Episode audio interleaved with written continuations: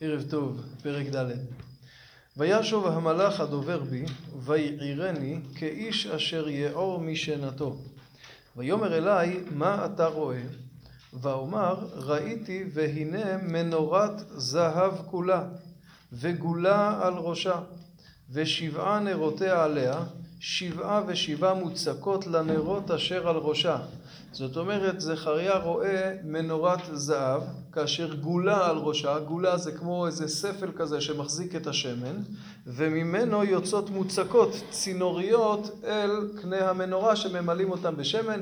יש אומרים קנה, צינורית אחת לכל קנה, ויש אומרים שבעה ושבעה מוצקות, כלומר שבע צינוריות לכל קנה. ושניים זיתים עליה, אחד ממין הגולה ואחד על שמאלה. כן, ענף זית מצד ימין, מצד שמאל, אם הציור הזה מוכר לכם מאיזשהו מקום, אתם לא טועים, כמובן סמל מדינת ישראל. ואען ואומר אל המלאך הדובר בי לאמור, מה אלה אדוני? מה פשר הדבר? ויען המלאך הדובר בי ויאמר אלי, הלא ידעת מה הם האלה? ואומר לא אדוני.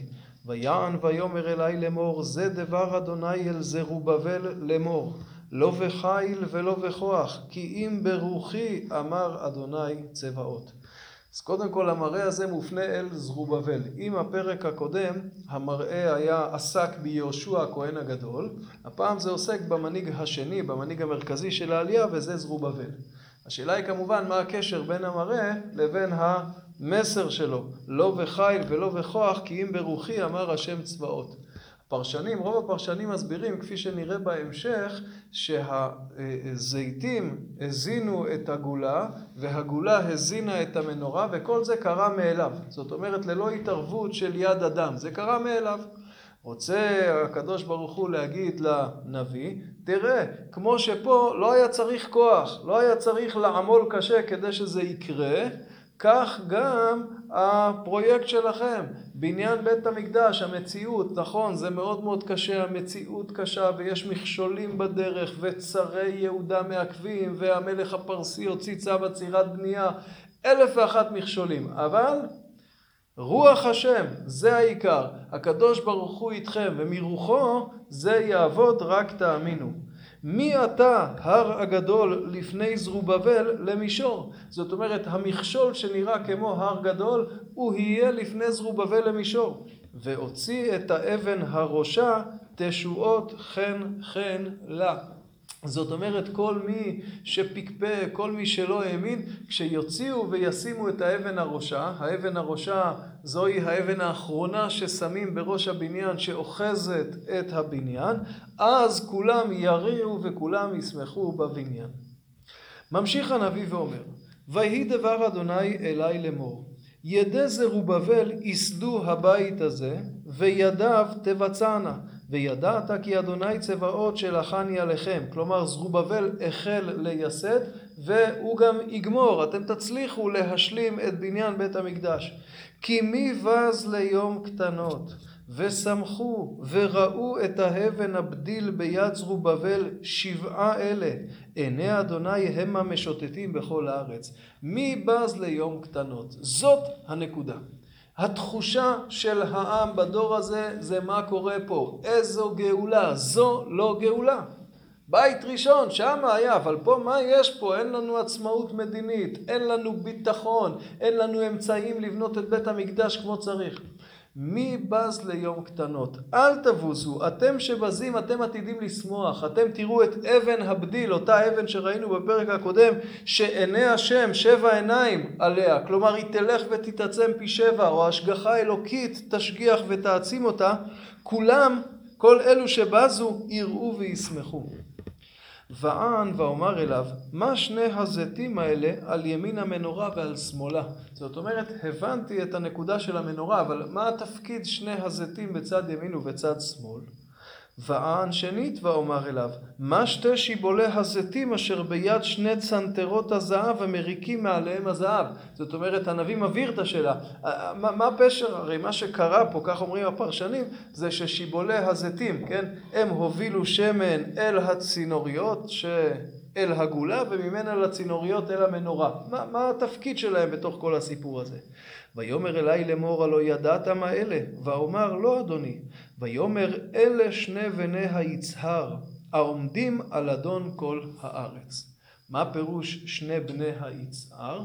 אומרים הפרשנים הכוונה היא ליהושע הכהן הגדול ולזרובבל, למלך ולכהן. מדוע הם נמשלים בזית? שכן שני אלו הם נמשכים בשמן. המלך נמשך בשמן והכהן הגדול נמשך בשמן. זאת אומרת, זה המלוכה והכהונה. המלוכה שמובילה את הבניין המדיני, החומרי, המשפטי, והכהונה שמובילה את המבנה הרוחני. הם אלו שמזינים את המנורה ומפיצים את האור. הפרק הזה הוא המראה המרכזי. הוא מציג את הבעיה שעומדת פה במוקד, וזה מי בז ליום קטנות. התחושה שהגאולה הזאת של בית שני היא קטנה, זה לא זה. ואת הפתרון. מה הפתרון? להבין שלא בחיל ולא בכוח, כי אם ברוחי אמר השם. אין לכם כרגע כוח, אין לכם חיל, זה נכון. אבל אם יהיה לכם רוח, אם תאמינו ברוח השם, אז עוד נכונו ימים גדולים. והפרק הזה מופנה לזרובבל, הוא המנהיג. ואולי אפשר להציע ביאור נוסף למראה הראשון. הרי מה המראה? יש פה זית. כשמסתכלים על הזית הוא קטן, הוא, הוא נראה עלוב, הוא מצומק. והנה מהזית הזה יוצא שמן, והשמן הזה זורם אל המנורה ומאיר אור גדול. זה גוף הסיפור. זרובבל, יהושע ושבי ציון הם נראים כמו הזיתים, הם חלשים, אין עצמאות מדינית, הגויים מסביב, הכל לזה. אבל אם תהיו מלאים ברוח, אז תזכו לבנות ולהפיץ אור גדול. זה ממש המראה. עכשיו, עם חלקו הראשון אמרנו שהנקודה הייתה שאף אחד לא עושה כלום. כאילו הכל פועל מאליו, אומר הקדוש ברוך הוא לא בחי ולא בכוח, ברוחי אני אעשה. אבל החלק השני מברר שלא זו העניין, אלא מי הם שני הזיתים? המלך והכהן. זאת אומרת, נכון, רוח השם, אבל רוח השם תנוח עליהם. הם צריכים להיות מלאים ברוח השם כדי להזין את המנורה. והחידוש הוא שאם אתם מלאים ברוח השם, אז גם הזית הקטן הזה יכול להפיץ אור גדול. אי אפשר להתעלם מזה שזה סמל מדינת ישראל. המנורה ושני הזיתים מצידה. וכששואלים מה פשר המראה, אז התשובה היא לא בחיל ולא בכוח, כי אם ברוחי אמר השם. זה המשמעות של סמל, סמלה של מדינת ישראל. ואם לא נביאים הם, בני נביאים הם. מי שקבע, בוודאי שזאת הנקודה המרכזית. לא בחיל ולא בכוח, כי אם ברוחי, כשיש רוח השם, אז היא גם זינה את החיל ואת הכוח.